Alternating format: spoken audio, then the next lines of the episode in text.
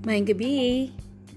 Karong gabi una atong sugdan ang atong pagbasa sa basahon sa mga panultihon o basahon nato ang pasiuna. Ang basahon sa mga panultihon may usa ka tinigom nga mga pagtulunan mahitungod sa unsay maayo ug unsay daotan ug sa relasyon sa tawo ngadto sa Dios. Kadaghanan niini may kalabutan sa adlaw-adlang pagkinabuhi. Nagsugod kini sa pahinumdom nga nagingon. Ang pagtahod o pagbaton o kahadlok sa Ginoo mo'y sinugdanan sa kaalam. Ug mipadayon kini dili lamang sa mga butang nga may kalabutan sa tinuuhan kundi bisan pa sa mga butang nga may kalabutan sa hustong paggamit sa hunahuna ug sa maayong pamatasan.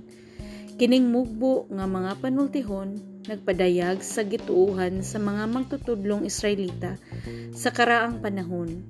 Unsa ang buluhaton sa taong maalamon sa nagkalain-laing higayon. Ang pipila niini may kalabutan sa mga relasyon diha sa panimalay, relasyon sa ubang tao o diha sa pagmatiga, pamatigayon.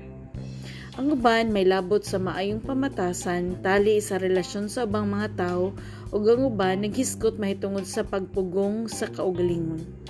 Daghan ang gisulti bahin sa mga mithi sa pagpaubos, pailob, pagtahod sa mga kabus ug sa pagka maunungon ngadto sa mga higala. Palihog atong ipiyong ang atong mga mata Ginoo, dalaygon nga Dios.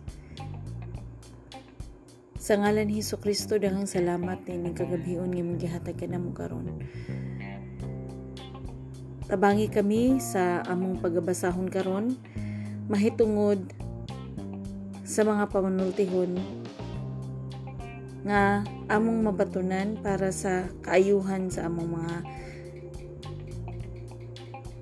pagdesisyon, lihok-lihok, mga sangputanan nga umahimo malikaya na mo ang pagbingkil-bingkil, malikaya na mo ang kalagot, kasakit sa dughan, stress, ug manghinaot kami nga mas mapadool kami diha kanimo.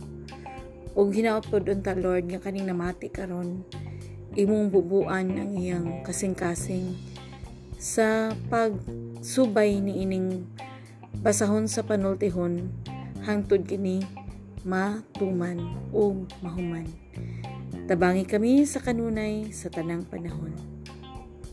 Amen.